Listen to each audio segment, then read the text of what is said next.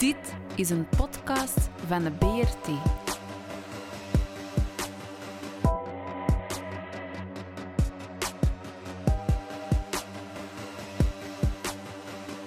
De Brabantse radio- en kleurentelevisie. Goedendag beste luisteraars en welkom bij Brasserie Brabant, een podcast van de Brabantse radio- en kleurentelevisie. Ik ben nog steeds uw host Christophe en natuurlijk heb ik bij mij in de brasserie natuurlijk ons andere meubilair, zijn de Ramon en Rudiger. Dag heren. Dag uh, meneer de Schijnhertog. Dag Ramon. Dag heren. Dankjewel Rudiger. Ik ga direct het woord aan u laten Rudiger, want jij kunt onze gast volledig uh, duiden. Ja, we moeten er natuurlijk bij zeggen dat wij hier niet alleen zitten. Bij ons in de virtuele studio is natuurlijk ook Frank Judo. Een uh, speciale naam die gemakkelijk te onthouden is. En ik wou als titel voor deze podcast voorstellen om uh, Frank Judo en de fontein van Minerva te nemen. Ik vond dat zo'n mooie, een mooie titel. uh, wel, ik, ik, heb, meneer Judo leren kennen um, in een bezoekje aan de sympathieke burgemeester van Kasterlee met een aantal mensen van Pacte de Signe. De bedoeling was om het idee aan te brengen om middenin het oude hertogdom Brabant een soort herdenkingssteen, monument te plaatsen. En we hadden de naam de Navel van Brabant vooruitgeschoven. We vonden dat een heel plezant idee. En we gingen daarna ook nog wat gezellig napraten. En wie was daarbij in dat gezelschap? Frank Judo, die blijkt dan ook die burgemeester te kennen. En blijkbaar hebben die twee mensen kennis van dingen zoals de Jacobieten en de Orangisten. En dat dan nog eens in Brabant. Ik dacht, ja. Hè. Uh, een volgende ding is, ja, ik heb uh, Frank Judo leren kennen op een namiddaggesprekje in een zonovergoten namiddag toen het nog rustig was, toen we nog veel energie hadden, zonne-energie dan, in de tuin van het kasteel Zorgvliet. Dat was een heel um, warm gesprek. En toen heb ik van hem ook een boekje gekregen van uh, het revue, het Belgisch tijdschrift voor Filologie en Geschiedenis, waar hij een artikel in gepleegd heeft. Um, en ik heb dat gaan lezen, dat, is, uh, dat was heel boeiende literatuur, maar ik weet daar dus niks van af. Ik dacht, nog een reden te meer om die mens uit te nodigen op een podcast. Uh, die gaat ons heel veel kunnen vertellen, want we, ik ben nogal veel bezig met die 16e, 17e, maar daarna gebeuren ook nog heel belangrijke dingen natuurlijk voor Brabant. Hè. Uiteraard. Uh, en dan in dat boekje, dat, dat dat hij me gegeven heeft van, die, van dat Belgisch tijdschrift, daar stond iets in over de fontein van Minerva en ik hoop dat Frank ons daar straks iets over wil vertellen. Over de Jacobieten en die fontein, want dat is plezant. Wij gaan naar Brussel, wij gaan eens kijken op de Zavel, daar staan mooie standbeelden, er staat een fontein en we weten daar niet meer van dan dat. maar er zit van alles achter. En dan ja, naar het volgende stuk. Vroeger zei de pastoor, ik ga die man zijn doopzeel wel eens lichten. En dan gingen ze kijken en dan konden ze u vertellen van of dat dan wel iemand van goede familie was. Tegenwoordig doen we dat niet meer, wij googelen iemand. En dan vind je bijvoorbeeld bij Erzberg een boeiende zin. Of hij een conservatief is, moet je zelf maar uitmaken. Ah, hè, dat, dat, daar gaan onze oren, oren van spitsen. Uh, wie is deze boeiende mens en wat kan hij ons vertellen over zijn passies en daarin liefst de link met Brabant. Maar wie komt daar nog, wat komt daar nog voor op Google? Het is een Brusselaar. Geboren in Anderlecht in 1971, studeerde geschiedenis, filosofie, rechten, is 25 jaar advocaat aan de Balie van Brussel, kerkjurist, voorzitter van een juristenvereniging en al dat soort dingen, Hoge Raad van Justitie. Uh, we zitten hier dus met, met iemand met een van groot kaliber in, de, in onze podcast. Hij volgt de actualiteit met verbaasde blik, zoekt en vindt houvast in de geschiedenis, in wat de geschiedenis ons leerde. Hij is vader, maar hij heeft toch nog tijd om boeken te schrijven. Hè, en dan zijn dat Het Bewaren Waard is zo ene, Belg en Bataaf. En de zeven woorden van de lage landen is dit jaar uitgekomen. En daarnaast natuurlijk een reeks boeken voor advocaten. Over ontdekkingen, maar daar gaan we nu niet op in. We voegen aan deze podcast een link toe naar Clara, waar Frank zijn muziekkeuze te beluisteren is, dan moeten we het daar al niet meer over hebben. Hij heeft die op Clara heel goed uitgewerkt. Een paar quotes om de, het vuur uh, in deze podcast te jagen. Hij omschrijft zichzelf als een Brabander en Nederlander in de betekenis van iemand uit de lage landen. In Vlaanderen probeert men de provincies af te schaffen ten bate van het Vlaams gewest. Dan zeg ik, jongens, dat is een 19e eeuw centralistisch verhaal. Daar kan ik met de beste wil van de wereld niet mee instemmen. En nog een tweede quote. De mislukking van het progressieve verhaal is evident. Wel, als we daar geen stof hebben. Uh, en ik had nog een voorstel, ik weet niet of dat gaat lukken, maar het zou mooi zijn om die zeven woorden die hij belicht in functie van de lage landen ook hun aandacht te geven in deze podcast. En die woorden zijn taal, water, God, vrijheid, muziek, weven en smaak. En ik stel voor om te beginnen met taal. Wat denk je, Frank? Taal, wel, uh, mijn beroep dat van advocaat werd vroeger taalman genoemd. De, persoon die bezig was met taal. En soms stoort het me te merken hoe juristen omgaan met taal, hoe ze eigenlijk de onbegrijpelijkheid lijken te koesteren. Meer dan de begrijpelijkheid, maar dat is ook niet nieuw. Uh, Racine kon er al mooie toneelstukken over schrijven. In elk geval, wij bestaan, en niet enkel in onze beroepsgroep, dankzij onze taligheid. Maar de eerste keer toen ik in een, een ver en grijs verleden een debat moest voeren met iemand, was dat met Weilen, de burgemeester van Sint-Lamprechts-Woluwe, die zei dat hij het heel belangrijk vond om een debat voor een internationaal publiek in het Frans te voeren, omdat dat de taal van de mensenrechten was. Ik heb de man toen boos gemaakt, wil me daar postuum bij hem voor verontschuldigen, door hem te wijzen op het oud-Nederlandse gezegde dat men zoveel keer taal mens is als men talen spreekt. En dat blijf ik ook iets heel belangrijks vinden, hoe gehecht ik ook ben aan het Nederlands, als taal die de lage landen voor een belangrijk deel verbindt. Hoezeer ik ook vasthoud aan die, die traditie van meertaligheid, die onder druk van politieke gedachten, maar ook van economische stromingen en van heel menselijke luiheid een beetje verloren aan het gaan is. Hoeveel mensen zijn vandaag nog in staat, nee, in staat is zijn heel veel mensen het, bereid om in meer dan twee talen wat dingen te gaan bekijken, kennis te nemen van wat er in nabije en minder nabije taalgebieden leeft. Dus ja, die taal, die fascineert me. Uh, het is niet alleen het Nederlands dat de lage landen bindt. Het is eigenlijk de meertaligheid.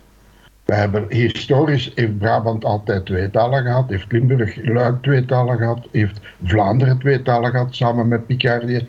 Dus eigenlijk de lage landen, daar zijn ook de Franstalige lage landen bij. Hè? Absoluut, maar het bindmiddel van die lage landen, als er een taal het bindmiddel is geweest, was dat het Nederlands. Eh, wat geen afbreuk doet aan de meertaligheid van de lage landen, niet alleen met het Frans, maar ook met het Duits en het Fries. Ja, ja. En het Vlaams, hè. dat wij als Brabanders als een andere taal bekijken. Wel, als ik uh, Vlaamse vrienden een beetje de gordijnen wil injagen, dan vraag ik mij af hoe dat deel Frankrijk aan de andere kant van de Schelde weer heet. Ach ja, Vlaanderen, inderdaad. Langs de andere kant denk ik dat we ons moeten hoeden voor een zekere flamandofobie. In de 15e, 16e eeuw beschreef men muzici uit de lage landen als, als Ifyamingi. Uh, in even later hebben de Jezuïeten, uh, waar ik uit sinds mijn schooltijd iets mee heb, uh, ook wel hun provincie opgedeeld in een Flandro-Belgica en een Gallo-Belgica volgens taalgrenzen, niet omdat daar een of andere ideologie achter lag, maar om pragmatische redenen. Dus dat aanduiden van het Nederlandstalige gebied van de zuidelijke lage landen als Vlaanderen is niet zo nieuw. Ik ga daar een beetje relax mee om. Het, is, het is zeker niet nieuw, maar anderzijds in Frankrijk, in Spanje heb je ook mensen die flamenco uh, genoemd worden. Je hebt daar zelfs eilanden voor. Met andere woorden, ho, mij stoort het niet Vlaming genoemd te worden, zolang dat maar geen afbreuk doet aan de mogelijkheid om minstens ook Brabander te zijn. Ja. Al dan niet Spaanse Brabander. Dat is Goed. mooi gezegd, ja. Heeft iemand over die taal nog een vraag? Anders zou ik over willen gaan naar water. Dan zijn we dadelijk bij de fontein van Minerva. Water. Ja, Rudiger, ik zie dat je niet kan wachten. Je wil dat verhaal van die fontein horen. Hè? Eh, heel veel mensen komen op de Zavel, de grote Zavel in Brussel, wel eens voorbij de fontein van Minerva. En eigenlijk zijn er in Brussel heel veel fonteinen verloren gegaan. Omdat de fonteinen de waterleveranciers waren. Waswater, drinkwater voor zover het drinkbaar was, voor heel de wijken. En zo ook die Minerva-fontein, werk van de Brusselse beeldhouwer Jacques Berger, die dat heeft uitgevoerd met de nalatenschap van een Engelse edelman, die in Brussel was verzeild geraakt nadat hij hals over kop uit Engeland was moeten vluchten, omdat hij ervan werd verdacht een moordcomplot te hebben ges- gesmeed tegen de koning-stadhouder Willem III van Oranje. Willem en Mary, je weet wel, diegenen die na de zogenaamde Glorious Revolution, waarbij het huis Stuart werd verdreven, de nieuwe dynastie gingen vormen in Engeland. Glorious Revolution, waar heel veel mythes over circuleren. Ik heb van een van mijn leermeesteressen in het historische vak, Evelyn Cruikshanks, jammer genoeg vorig jaar overleden, eh, geleerd om dat wat te relativeren. Maar wat er ook van zei, eh, Bruce, Thomas Bruce, was een van de mensen die het wat heet onder de voeten werd in Engeland en die hun heil zochten op het vasteland. Veel van hun voorvaderen hadden hun dat al voorgedaan tijdens de burgeroorlog, maar na de Glorious Revolution deden anderen dat ook. En deze Bruce vestigde zich op de Zavel en werd later begraven in de Brigittinekerk, die nu een cultureel centrumpje is even verder. En een deel van zijn nalatenschap liet hij aan de stad Brussel om daar een mooie versierde fontein op te richten. En hij liet die uitvoering over aan andere Jacobitische vluchtelingen, dus aanhangers van het huis Stuart, uit het Verenigd Koninkrijk. Met name James Dormer, een zakenman uit Antwerpen, die fortuin had gemaakt in de internationale handel, met name richting China. Die ook een rolletje had gespeeld in de Oostense Compagnie, die probeerde de Nederlandse VOC, de Noord-Nederlandse VOC, concurrentie aan te doen. En om de wereld klein te maken, die woonde in het gebouw dat vandaag de rechtenfaculteit van de Universiteit Antwerpen huisvest. Dus nu en dan probeer ik nog eens op bezoek te gaan bij James Dormer, al is de brave man al meer dan 200 jaar overleden. Voor de petite histoire, binnenkort wordt in Londen Charles III gekroond. Maar eigenlijk is dat de tweede Charles III. In volgens de Stuart-dynastie is er al een koning Charles geweest, halfweg de 18e eeuw. En die man kreeg ook steun vanuit Antwerpen. Ik heb in Beveren, in het familiearchief de Bergijk, nog documenten gevonden waaruit met aan zekerheid grenzende waarschijnlijkheid kan worden afgeleid dat die Charles III Stuart, beter bekend als Charles Edward of Body Prince Charlie, rond 1745 in Beveren in onze streken rondhing om een inval in Schotland voor te bereiden. Dus er valt daar nog wel wat te onderzoeken en te ontdekken. Brabant als gebied waar mensen naartoe vluchten. Zeker ook omdat het graafschap Vlaanderen dichter bij Engeland lag en dat uh, met name Charles Edward bang was om daar ontvoerd te worden door geheimagenten van het Huis Hannover, dus van, van de concurrerende dynastie. En hij voelde zich veiliger in Brabant, of nog veiliger in Luik of in Bouillon, waar hij zich ook een tijd heeft opgehouden. Aha. En blijkbaar had hij daar ook de middelen en de mogelijkheden om een inval voor te bereiden. Want hoe, hoe moet ik me zoiets voorstellen? Ja, dat had natuurlijk ook te maken met de internationale omstandigheden. Op dat moment hij kon rekenen op steun van Frankrijk. De, de verhoudingen tussen Frankrijk en Engeland waren nou niet bepaald je dat. En het feit dat het huis Stuart bekend stond als katholieker dan de protestants-Anglikaanse Hannovers, maakte ook de alliantie met Frankrijk en Spanje meer vanzelfsprekend. En daarnaast waren er gefortuneerde aanhangers, waaronder die Dormer, die een belangrijk deel van hun vermogen ter beschikking stelden om dat soort militaire avonturen te financieren. Nou, nou ken ik niet zo heel goed de verhalen van uh, het, deze Prins Billy, zeg maar. Of, uh, maar, maar, hoe is het met hem afgelopen, vraag ik me dan af. Um, wel, dat brengt ons op het alternatief voor water met een zwaar alcoholprobleem. Zijn veldtocht van 1745 is falikant afgelopen. Hij is toen teruggevlucht naar het vasteland. Zijn verhouding met de familie was niet al te best. Hij is dan ook een tijd schijnbaar van de aardbodem verdwenen. En uh, ja, heeft zijn, zijn heil in de drank gezocht. En is dan opgevolgd door zijn broer, uh, Henry, die in het dagelijkse leven kardinaal van de Roomse kerk was. Dus het Verenigd Koninkrijk heeft eventjes een kardinaal als minstens pretendent staatshoofd gehad. Um, en tot vandaag bestaat er zoiets als de, de Jacobitische erfopvolging, waardoor op dit moment een hertog van Beieren geacht wordt om koning van Engeland, Schotland en Ierland te zijn volgens de Jacobitische traditie. Hij heeft een, een beperkt aantal aanhangers, um, maar goed. Die, die Tudors, je hebt, je hebt het over de, de War of the Roses. Nee, nee, nee, we zitten even verder. We hebben ah, ja. dus het einde, de vervanging van de Stuart-dynastie door eerst de familieleden Stuart die bereid waren om het over te nemen van Jacob II en daarna het huis Hannover. Dus we zitten eind 17e, begin 18e eeuw. Ah ja, oké. Goed, dan zitten we aan, dat was water. Iemand nog een vraag over water? Dan stel ik voor om het eens over God te hebben. Jij bent een kerkjurist. Dat klopt. Ik uh, mag mij Utriusque noemen. Dat wil zeggen dat ik zowel in het burgerlijke als in het kerkelijke recht actief ben. Ik ben ook op de beide fronten, als ik dat zo mag noemen, actief als advocaat. Probeer in mijn juridisch professioneel, maar ook in mijn juridisch wetenschappelijk werk aandacht te besteden aan de verhouding tussen recht en religie. Dat is een ja, wat uit de mode geraakte rechtstak, maar uh, ik hou nogal van dingen die uit de mode geraakt zijn, omdat die des te meer ontdekkingen toelaten. En ook in de praktijk geeft het soms de mogelijkheid om, om dingen te onderzoeken die, die minder vanzelfsprekend zijn. Ik vind het soms wat jammer dat het in, in onze samenleving bon ton is om neerbuigend te doen over fenomenen als religie, als zingeving, terwijl het duidelijk is dat voor een belangrijk deel van de bevolking dat soort thema's wel van tel is. En ik denk niet dat je bijdraagt tot een inclusieve samenleving door dat soort elementen weg te cijferen. Dus vandaar, oh, noem het een combinatie van intellectuele belangstelling en maatschappelijke verantwoordelijkheid.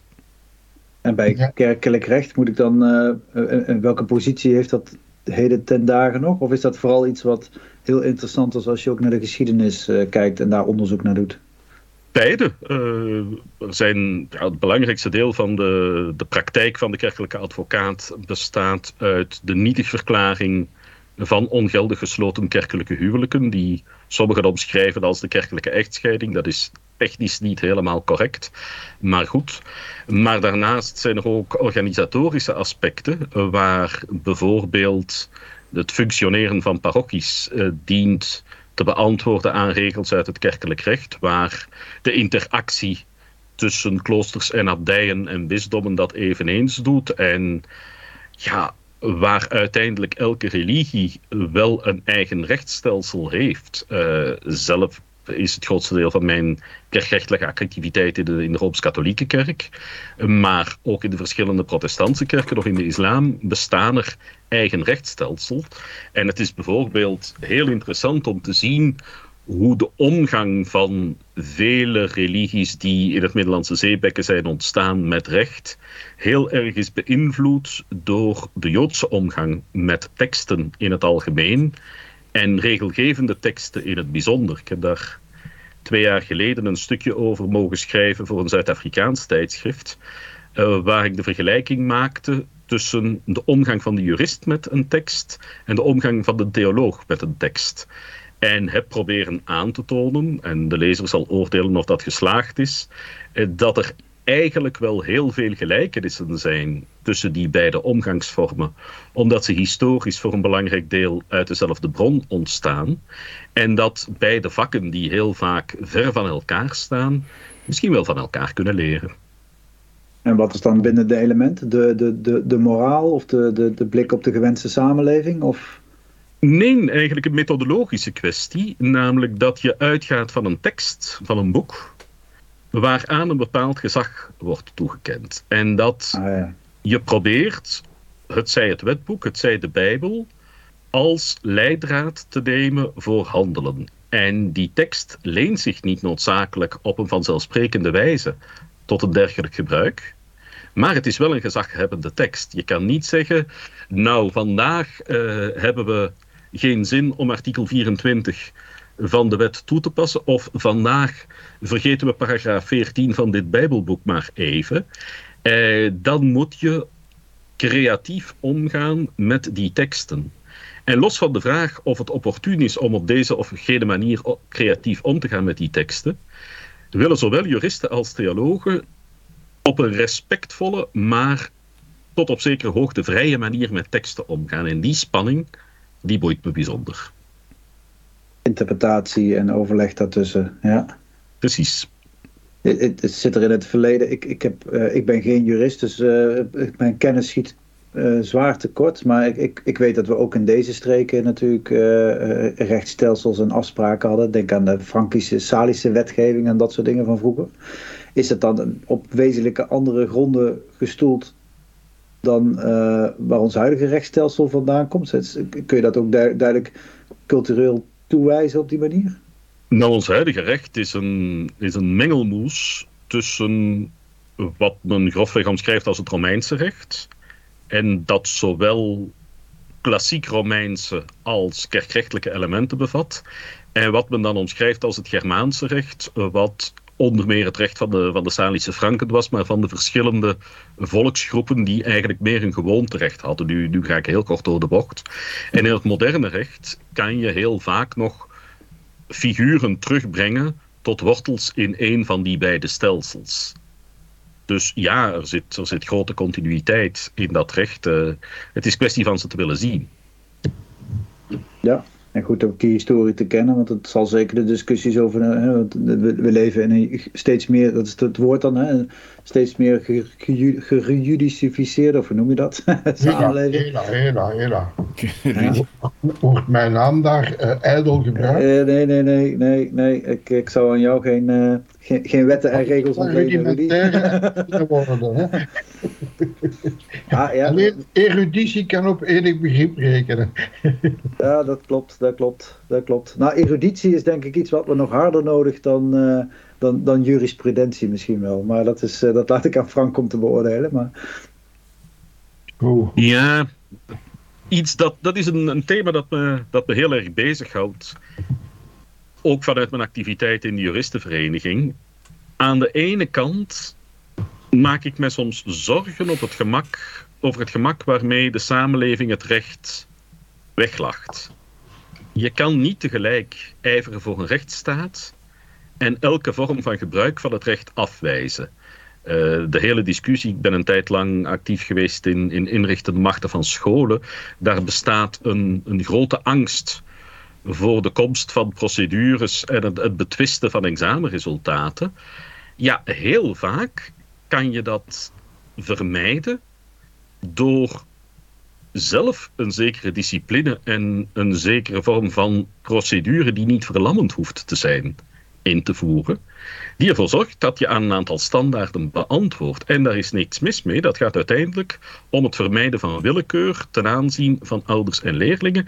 En ik ken geen enkele gewetensvolle leerkracht of directeur die een probleem heeft met het vermijden van willekeur. Dus eigenlijk, als juridisering het vermijden van willekeur is, wie heeft er een probleem mee? Aan de andere kant, en ik heb er daar straks al op gealludeerd, heeft de juridische wereld daar ook een bepaalde verantwoordelijkheid. Er is een tijd geweest dat juristen taken innamen in de wereld, in de maatschappelijke wereld, in de politieke wereld, in de culturele wereld en ook het recht dichter bij de samenleving probeerden te brengen.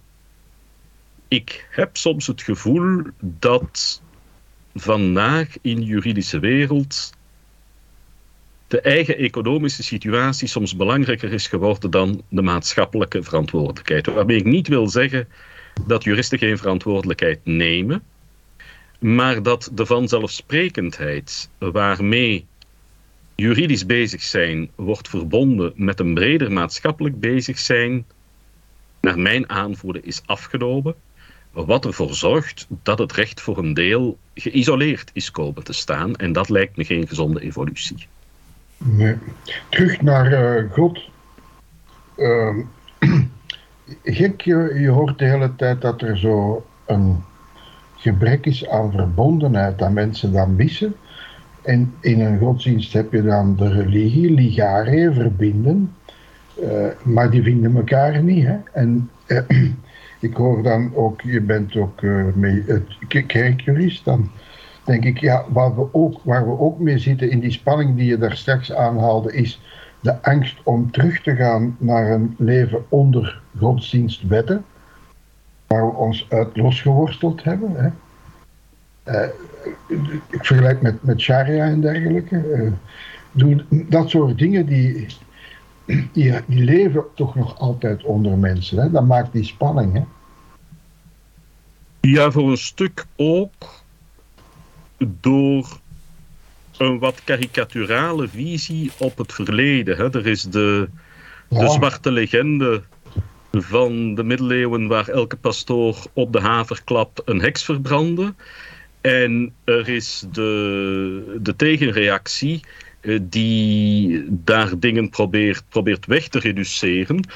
Ik denk dat het heel erg zou helpen als we daar onze geschiedenisstudie zouden baseren op feiten en op de zin voor relativiteit van een en ander. Er is uh, net nog een, een heel boeiend proefschrift gepresenteerd in Utrecht over heksenvervolgingen, dat dat allemaal in een context plaatst. Ik denk dat we ons moeten hoeden voor een al te eenzijdig beeld van de ene of van de andere kant op de plaats die religie in de Europese en niet alleen Europese geschiedenis heeft ingenomen. Aan de ene kant is het een beschavende factor geweest, maar die ook een bron van conflict is geweest. En een al te, al te benieuwie verhaal dat zegt religie is een bron van vrede, is een reductie, is niet juist. Religie is een bron van conflict, zoals elke waarheidsaanspraak. Ja, ik denk dat we eigenlijk op de goede weg waren, maar dat we de laatste 15 jaar dingen zien terug evolueren. Als je hoort hoe Trump tekeer gaat, hoe, hoe fundamentalisme in, ook in Amerika over van waar komen we, de ontstaan, het ontstaan van de mensen en zo verder, al die dingen terug in vraag, dan denk je, ja, er is toch wel een risico dat leeft. Hè.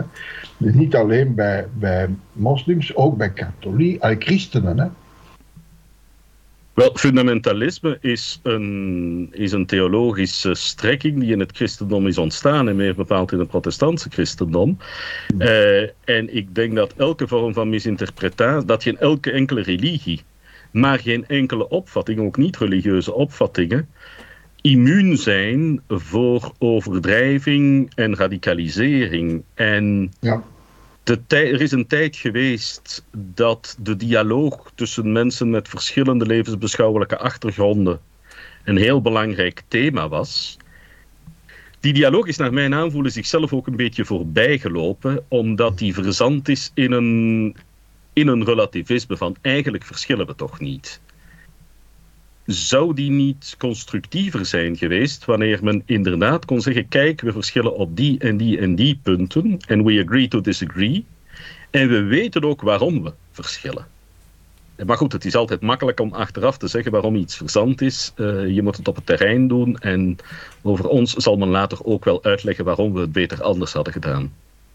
Ik, ik vind het wel een belangrijk punt, uh, Frank. Want als, ik dan ook breder kijk dan, uh, dan, dan God en religie, maar iets meer naar, naar de politieke uh, lijn van integratie en dat soort vraagstukken ook. Hè, tussen mensen van verschillende komaf.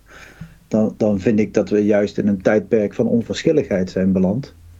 Waardoor we verschillen ook niet meer willen bespreken en, en tot, een, tot een verbindende waarheid of tot een werkbare waarheid, of noem het maar op, willen komen. Uh, waardoor we eigenlijk in, uh, in geïsoleerde samenlevingen naast elkaar mhm. gaan leven. En dat is dat bindende element wat, wat misschien wel kwijt is. En dan lijkt het oppervlakkig goed te gaan. Maar onderhuids zijn we natuurlijk allemaal op zoek naar onze eigen waarheid. En vinden we dat ook in hele andere bronnen dan. en onverwachte bronnen, waardoor we ook vervreemd raken van elkaar. En dat is wat ik veel, veel plaats vind. dat, is, dat is denk ik een Europees brede, breed vraagstuk momenteel. Dat speelt natuurlijk ook in alle, alle Brabantse, Brabantse steden speelt het natuurlijk fors. Dus uh, ja, interessant. Oké, gaan we verder met het woord vrijheid. Frank, kan je daar zelf invulling aan geven?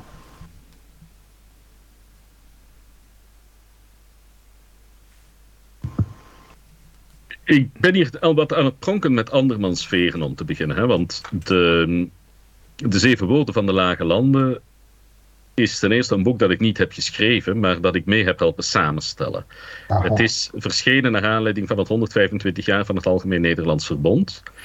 En we hebben toen vanuit een redactieploegje zeven auteurs gevraagd om rond die zeven woorden iets te schrijven, iets essayistisch, iets waar ze grote vrijheid hadden.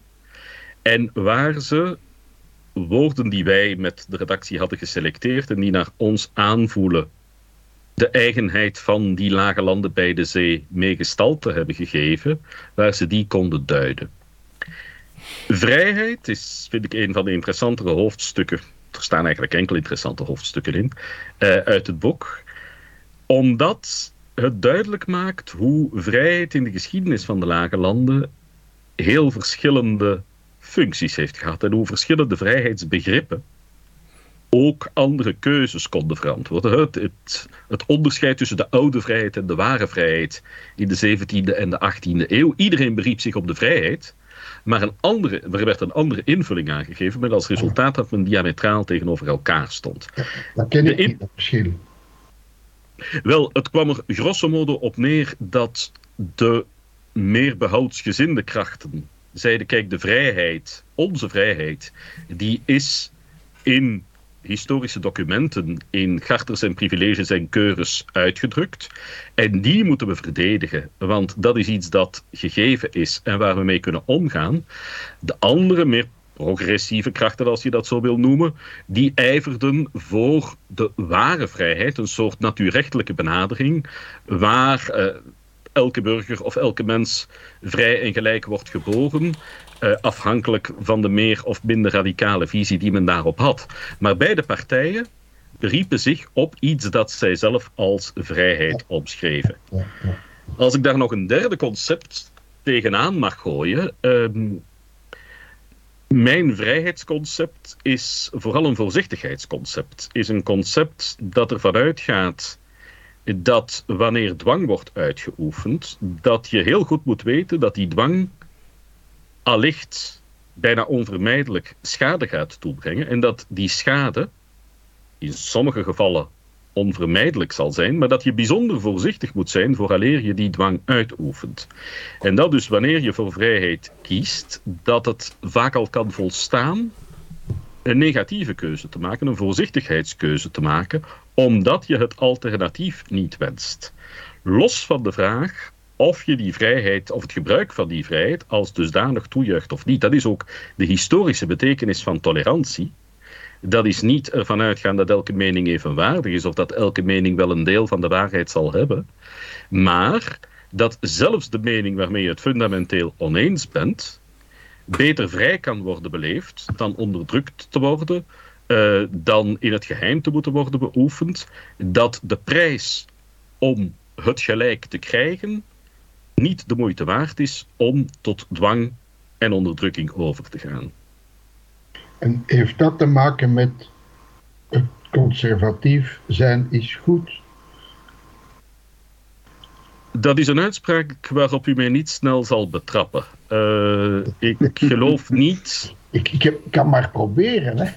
ik geloof niet dat een waarachtig conservatief uitgaat van een eenzijdig positieve appreciatie van wat conservatief is en een eenzijdig negatieve appreciatie van wat dat niet is. Mhm. Ik denk dat een van de sterkte van de conservatieve denktraditie net is dat men zowel het eigen denken als het denken aan de overkant een plaats kan geven. Ik heb nog nooit iemand op die aloude metafoor, niet zo eens zo oude metafoor te gebruiken, ik heb nog nooit iemand horen pleiten voor een, een auto zonder motor, maar met enkel een rem. Ik heb wel al mensen horen vergeten eh, dat een auto niet alleen een motor, maar ook een rem nodig heeft. Ehm, Ja, ja. Ja. Dan maakt het duidelijk. Ik, ik vind het wel een interessante discussie als ik dan denk aan, aan eh, wat er nu in de samenleving gebeurt met coronaregels. eh, dat, dat er steeds meer door allerlei omstandigheden beperkende maatregelen nodig hebben. Stikstofwetgeving, dingen, allemaal zaken die spelen waar mensen een beperking van vrijheid ervaren. Kun je daar Ja. met deze denkwijze wat zinvols over zeggen, Frank? Dat je zegt, ik kan daar op een andere manier naar kijken die helpt om die discussie beter te voeren? Ja, je hebt toch ook het individuele versus het collectieve, hè?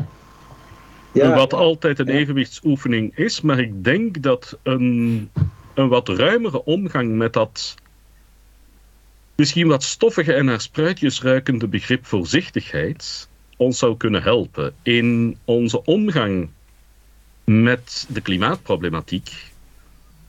Hebben we aanvaard dat we soms in geval van twijfel voor een meer voorzichtige aanpak moeten gaan. In geval van twijfel onthouden we ons. In geval van twijfel maken we de keuze die het zekerste is dat ze niet kan schaden.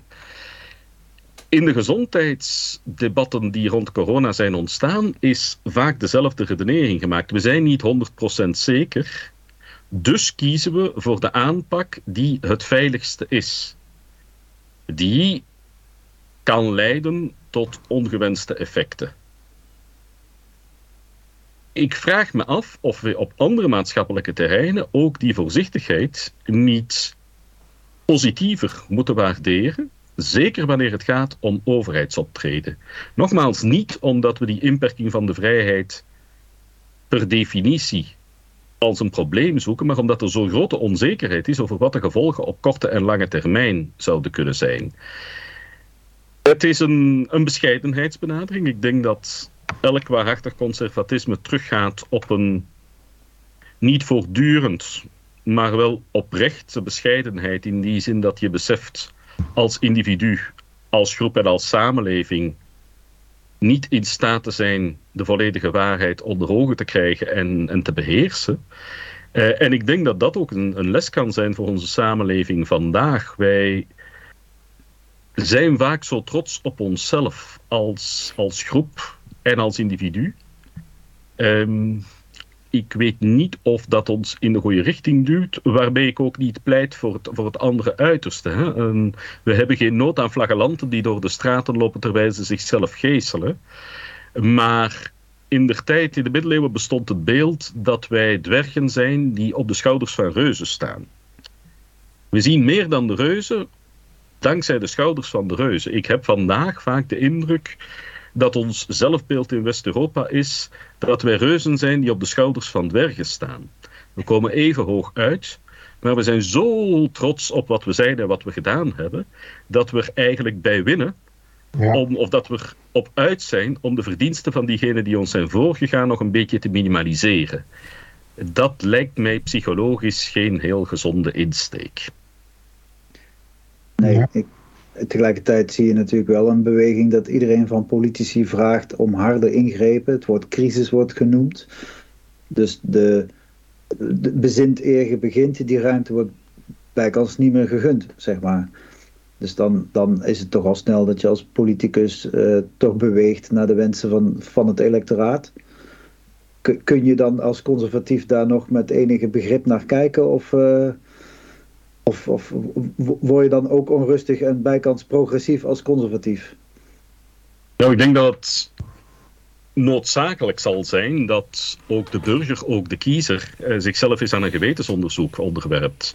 Uh, heel vaak, en nu maak ik er een karikatuur van, is wat de burger wil: maximale dienstverlening van de overheid, maar zonder enige instructie van de overheid hoe de burger zich moet gedragen en met een minimale financiële bijdrage. En als op een van die drie polen het een, een beetje overdreven wordt, dan krijg je onvrede.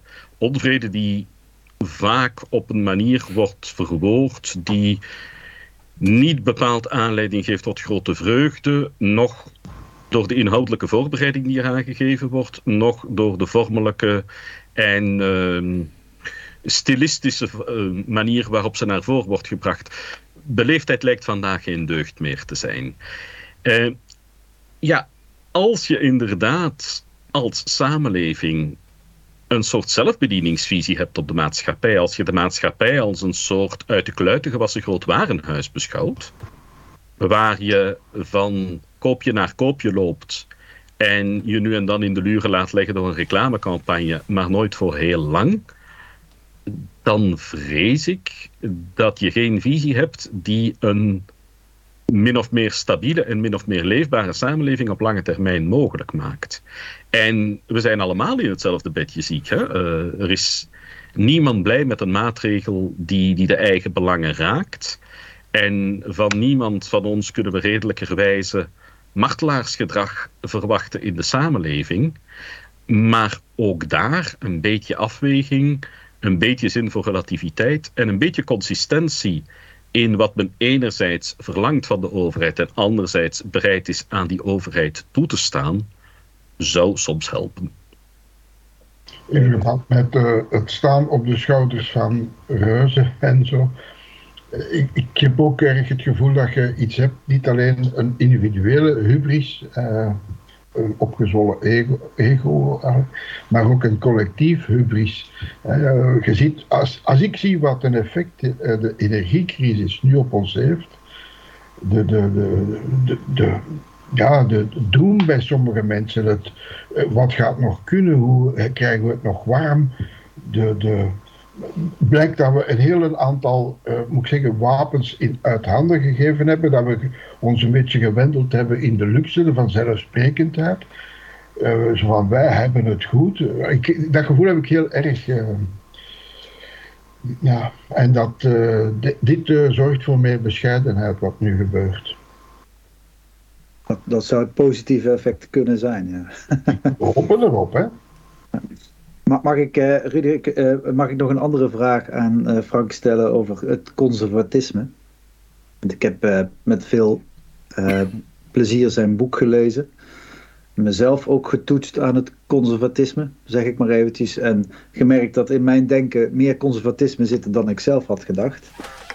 Dus misschien is het boek ah. daarmee al geslaagd, Frank, weet ik niet. Maar, maar eh, we hebben in een vorige aflevering uh, min of meer onze geloofsbrieven geuit in deze podcast. In, in die zin dat we hebben verteld waarom wij uh, uh, graag aansluiten bij een beweging als Pacte Signe. En, en, en, waarom Christophe bezig is met de Nieuw-Brabantse belangen. En dat levert interessante zelfinzichten op. Maar hoe zou jij die initiatieven uh, plotten op de meetlat van het conservatisme, Frank? Nou, dat is een uitdaging. Ik weet ook niet of het zo'n nuttige oefening is om het zo te, te bekijken. Vandaag heeft elke beweging die aandacht vraagt voor niet vanzelfsprekende niveaus van, van samenleving, ergens een belang vanuit een conservatief perspectief.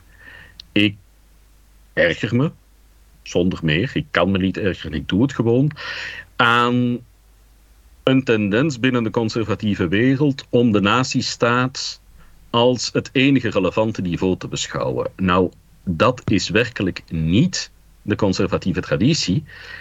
Die traditie heeft zich in verschillende vormen en met verschillende nadrukken afhankelijk van de periode altijd herkend in een model dat veel lager was, waar je op verschillende niveaus, op verschillende plekken die niet noodzakelijk concentrisch waren, maar waar je verschillende identiteiten met elkaar kon combineren en waar je op verschillende niveaus ook verantwoordelijkheid kon nemen of opgelegd krijgen. Kun je die, die niveaus eens concreter maken? Heb je het over een marktstad met omgeving of een regio, zoals de Kempen of een provincie? Of... Waar inderdaad mensen zich bijvoorbeeld als Brusselaar, als Brabander, als inwoner van de Lage Landen tegelijkertijd omschreven. Ah, ja, ja. Waar ook in de 19e eeuw mensen perfect Gentenaar, Vlaming en Belg konden zijn. Die combinatie van identiteiten of van identificaties is voor een stuk door de 19e eeuwse nationalistische golf weggespoeld. Men moest keuzes maken. En in die zin vind ik het soms opmerkelijk hoe de Vlaamse beweging, zoals ze zich heeft ontwikkeld in de 19e en vroege 20e eeuw, eigenlijk als een niet al te geslaagde imitatie kan gelden van de ontwikkeling van het Belgische nationalisme na 1830, waar men een aantal symbolen op een andere manier heeft overgenomen. En ik denk dat wie het Brabantse denken vandaag een stimulans wil geven, zich moet hoeden om diezelfde oefening nog eens over te doen. Uh, het Belgische nationalisme wordt geïmiteerd door het Vlaamse en vervolgens het Vlaamse door het Brabantse. Daar zitten we niet op te wachten. Er zit allicht meer inspiratie in een Brabantse traditie die voorafgaat aan de eeuw van het nationalisme. Waarmee ik niet wil zeggen dat de inspiratie van toen klakkeloos moet worden overgenomen. Maar het helpt ons om soms eens wat verder in de geschiedenis terug te kijken op de relativiteit van de tegenstellingen waar we vandaag mee worden geconfronteerd in te zien. De manier waarop ik ga nu ook weer kort door de bocht, maar waar bij de opstand van de Lage Landen tegen Philips II religieuze elementen en elementen van religieuze tolerantie tot op zekere hoogte een rol hebben gespeeld, is natuurlijk niet te ontkennen. Maar het verzet tegen centralisatie, het belang van een stedelijke en regionale identiteit en een vorm van zelfbestuur binnen die niveaus, waren minstens even belangrijk. En soms zijn we dat wat uit het oog verloren. Mhm. En daar denk ik dat opkomen voor Brabantse traditie, die niet hoeft in te gaan tegen Nederlandse, Belgische of zelfs Vlaamse tradities, maar die minstens als een nuttige aanvulling kan worden beschouwd, daar inspiratie kan gaan zoeken ik heb daar heel veel geleerd van Paul de Ridder, de, Brusselse historicus, die op een, uh, op een verloren moment nog eventjes in het Brussels parlement heeft gezeten voor de NVA. Mijn Brabanticiteit is voor een stuk door iemand die volkomen in het Vlaams nationalisme staat, geïnspireerd, zonder dat men dat tot het Vlaams nationalisme hoeft te brengen. En dat vind ik op zich wel mooi, hoe je daar twee ogenschijnlijk tegenstrijdige tradities tot synthese kan brengen. En ook die zin voor synthese, die, die neiging om conflicten niet noodzakelijk te laten escaleren, maar te zoeken naar gemeenschappelijkheid, zonder tot identiteit te komen of zonder de verschillende polen weg te reduceren, dat lijkt mij ook een van de mooie en interessante kanten van de traditie van het conservatieve denken. Ik, ik, leer uit je woorden dat we, dat we het vooral niet moeten verabsoluteren en dezelfde fouten maken als, uh, als, als, als waar we ons pogen tegen af te zetten, maar het als een, als een schakering en geluid toe moeten voegen. Dat lijkt me inderdaad belangrijk, ja. ja ik vind die gelaagdheid een belangrijke zaak. Hè. Bedoel, gelijk dat je zegt, niet, niet diezelfde fouten maken, maar die, die, ja, die gelaagdheid, je kunt en, en, en zijn. Het is niet of, of, of dat je zet. Nee, maar ik denk, ik denk dat uh, als ik bij, aan beide zijden van de grens bekijk, dan is er aan, aan beide zijden een soort gelijktijdige nationalistische ontwikkeling geweest. In, het, in, in België vooral gevoed ook door dat Vlaams nationalisme deels. Maar in Nederland hebben ze natuurlijk ook een soort historierestauratie gedaan. Hè, met het teruggrijpen naar de roemruchte 17e eeuw. Alleen is in dat verhaal ook voor de, voor de verschillende regio's uh, binnen Nederland eigenlijk heel weinig ruimte geboden voor dat lokale verhaal. En dat is natuurlijk in, in lange tijden niet problematisch geweest. Mensen waren met andere dingen bezig. En nu zie je dat langzaam mensen toch uh, ook vragen hebben bij, bij hoe de dingen nu worden aangepakt, maar ook een regio herwaarderen. Het heeft ook iets met romantische tendensen. Hè? Waar dingen verloren gaan, worden mensen bewuster. Uh, maar ik, ik, ik zie het vooral ook als een, uh, enerzijds als een tegenbeweging, maar anderzijds ook gewoon als een, uh, als een waarheid die ernaast kan staan en die we ook, ook bijna vergeten raken. En dat, dat vind ik zonde, want dat is gewoon een bron van kennis. Ik denk dat dat ook een beetje de conservatief of de historisch geïnteresseerde in mij is die dan wakker wordt. Dan denk ik, het is, het is gewoon een gevoel van zonde om niet te kijken naar wat er was en wat er ook zou kunnen zijn uh, binnen de huidige discussie. En, en dat, dat, mis, dat, mis, je zonder die invloed. Ja. En een andere dat ik belangrijk vind is, uh, onze gast zegt, die strijd, of strijd is misschien een groot woord, tegen dat centralisme. Ja, dat is altijd een goede, vind ik. Uh, ja. Het centralisme mag nooit te lang duren, toch? Ook dat is een deel van die voorzichtigheid. Is. Centralisme wil zeggen machtsconcentratie en een gebrek aan, aan tegenmachten. Mm -hmm. En decentralisatie is een andere vorm van scheiding der machten uiteindelijk. Ja, ja, maar ik refereer terug naar de tijd van de opstand. Het was net keizer Karel en Philips II die centraliseerden en die machtige legers hadden. En het was in Vlaanderen en in Brabant dat er een particularisme was waar de steden eigenlijk elk voor zichzelf uh, vochten. Hè, want het is, Antwerpen is gevallen nadat Gent en Brugge zich overgegeven hebben, ondanks de vraag om dat niet te doen, want de zeeuwen komen en de staatse troepen komen. Ik bedoel, uh, als, als, het heeft ook nadelen. Hè? Tegen... Het is ook daar een evenwichtsoefening. Hè? Het is geen, het is geen, uh, decentralisatie is geen atomisme. Hmm. Nee. Ja. Mag je bij anarchie soms. Ah, en dan gaan we verder met de volgende vraag. Dat is ah, de mislukking van het progressieve verhaal. Dat klinkt zo. Oh, wat zegt het nu? wat bedoelt je daarmee? Dat zijn zo van die uitspraken die je doet in een context die de, en die dan door een journalist of de eindredactie als titel worden genomen. Hè? En ja, daar gaan mensen het artikel lezen en dat is het dus gelukt. En wat ik daarmee bedoelde is dat Misschien heel moeten we dat ook als titel nemen dan. ik vrees dat er al copyright op ligt. Um, wat ik daarmee bedoel is dat er een spanning zit tussen opvattingen waar veel mensen in onze samenleving zich publiekelijk mee identificeren en de opvattingen die ze in de praktijk brengen. En dat wat dat betreft de keuzes die mensen voor het eigen leven en het leven van hun gezin en hun dierbaren maken, heel vaak conservatiever zijn dan de keuzes die ze proclameren. Daar zit een element van sociale druk in, daar zit een element van een pijl die zakt bij het vliegen in. Maar het de idee dat de wereld steeds in een bepaalde richting zou evolueren en dat het een soort lange mars naar een toppunt is, eh, die krijg je bij mij niet verkocht. Die krijg je niet meer verkocht voor zover je die ooit verkocht zou hebben. Ik denk dat de idee van een, een mars over een helling die ons uiteindelijk bij de, het ultieme doel brengt, beter kan vervangen worden door een wandeling door een bos. En dat is ook de metafoor die ik in mijn boek een paar keer gebruik, waar je regelmatig vaststelt van oei, hier heb ik de verkeerde afslag genomen. En dan kan je daar op twee manieren mee omgaan. Dan kan je zeggen, kan zijn dat het de verkeerde afslag was, maar het is de keuze die ik gemaakt heb en ik ga voort. Waar je dan terecht komt, dat weet je niet. Dat kan goed uitdraaien, maar in de meeste gevallen loopt het niet zo schitterend af. Of je hebt de bescheiden moed om te zeggen, nou, dat was niet zo verschrikkelijk verstandig van me. Ik maak rechtsomkeer.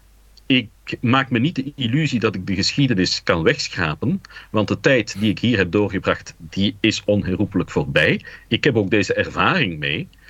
Maar dat dwingt mij niet om dit pad voor te gaan. En dat zorgt er ook voor dat de klassieke tegenstelling, conservatisme-progressisme, ook ergens een valse tegenstelling is. Al was het maar etymologisch, er is geen enkele tegenstelling tussen, noodzakelijke tegenstelling tussen behoud en vooruitgang. Er is een tegenstelling tussen behoud en verandering. En er is een tegenstelling tussen vooruitgang en achteruitgang.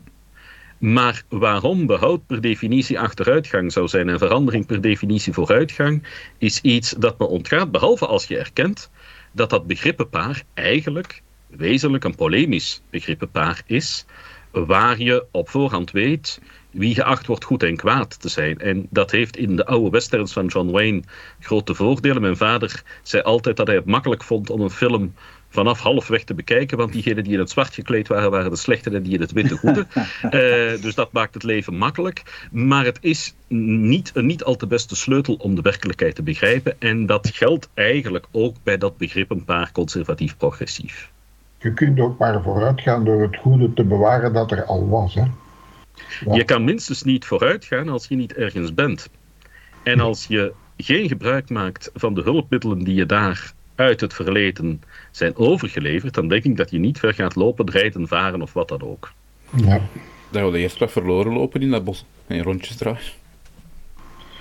En dat heeft zijn pedagogische waarde nu, en dat is verloren lopen. Oh ja, het is dat rondlopen, het, het kan een combinatie zijn, dat je, de, dat je um, door het rondlopen uiteindelijk tot, je, tot bezinning komt en dan de, de, andere, de andere weg kiest. Hè. Of dat je koppig blijft verder rondlopen, dat kan natuurlijk ook altijd.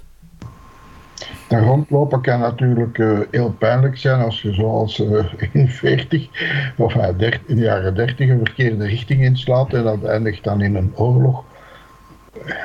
Ja. ja.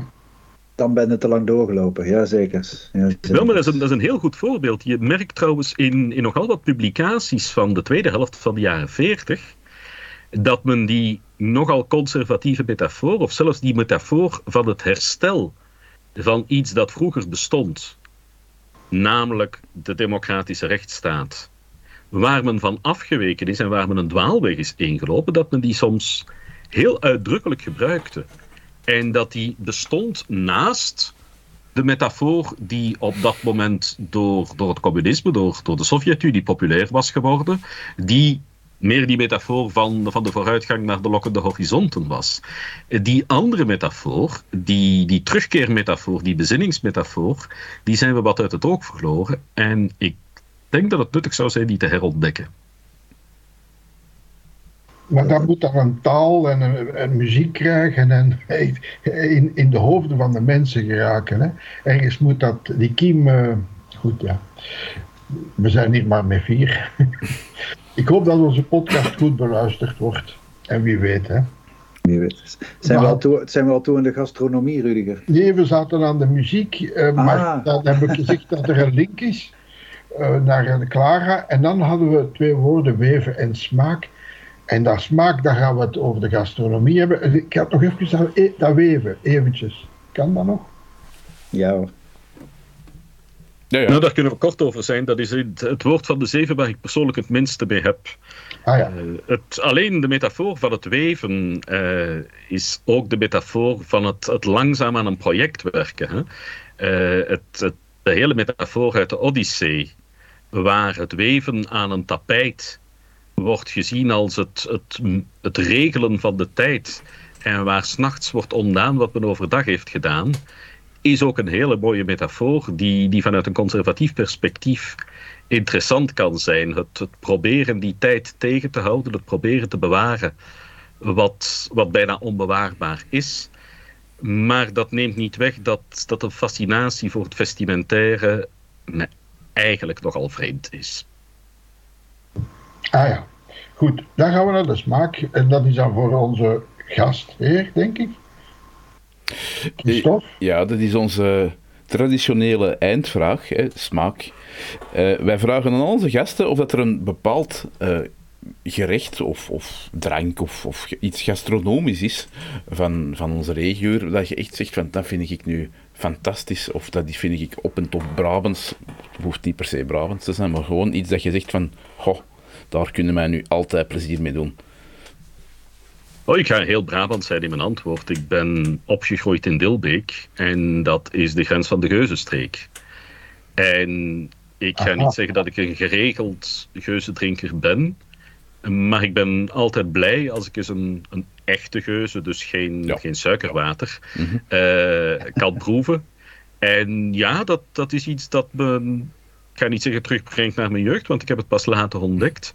Maar dat ik toch een van de te koesteren dingen vind. Ja. Die, die specifieke omgeving van, van de Zennevallei, van het, uh, het zuidwesten van Brussel.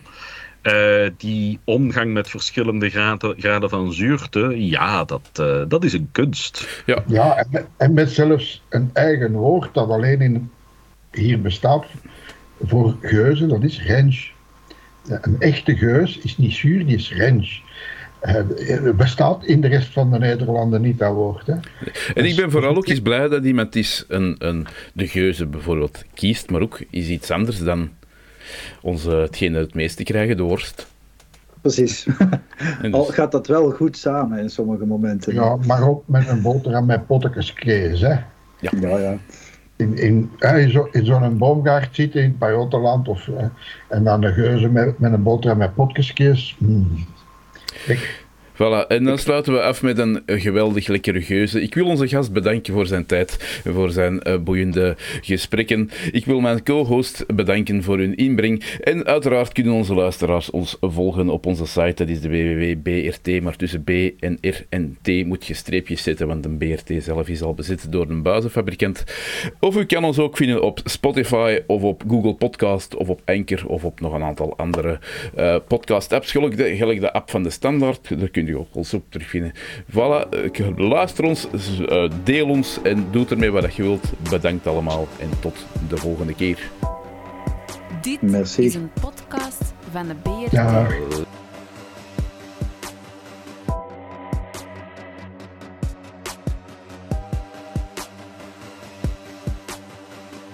De Brabantse radio- en kleurentelevisie.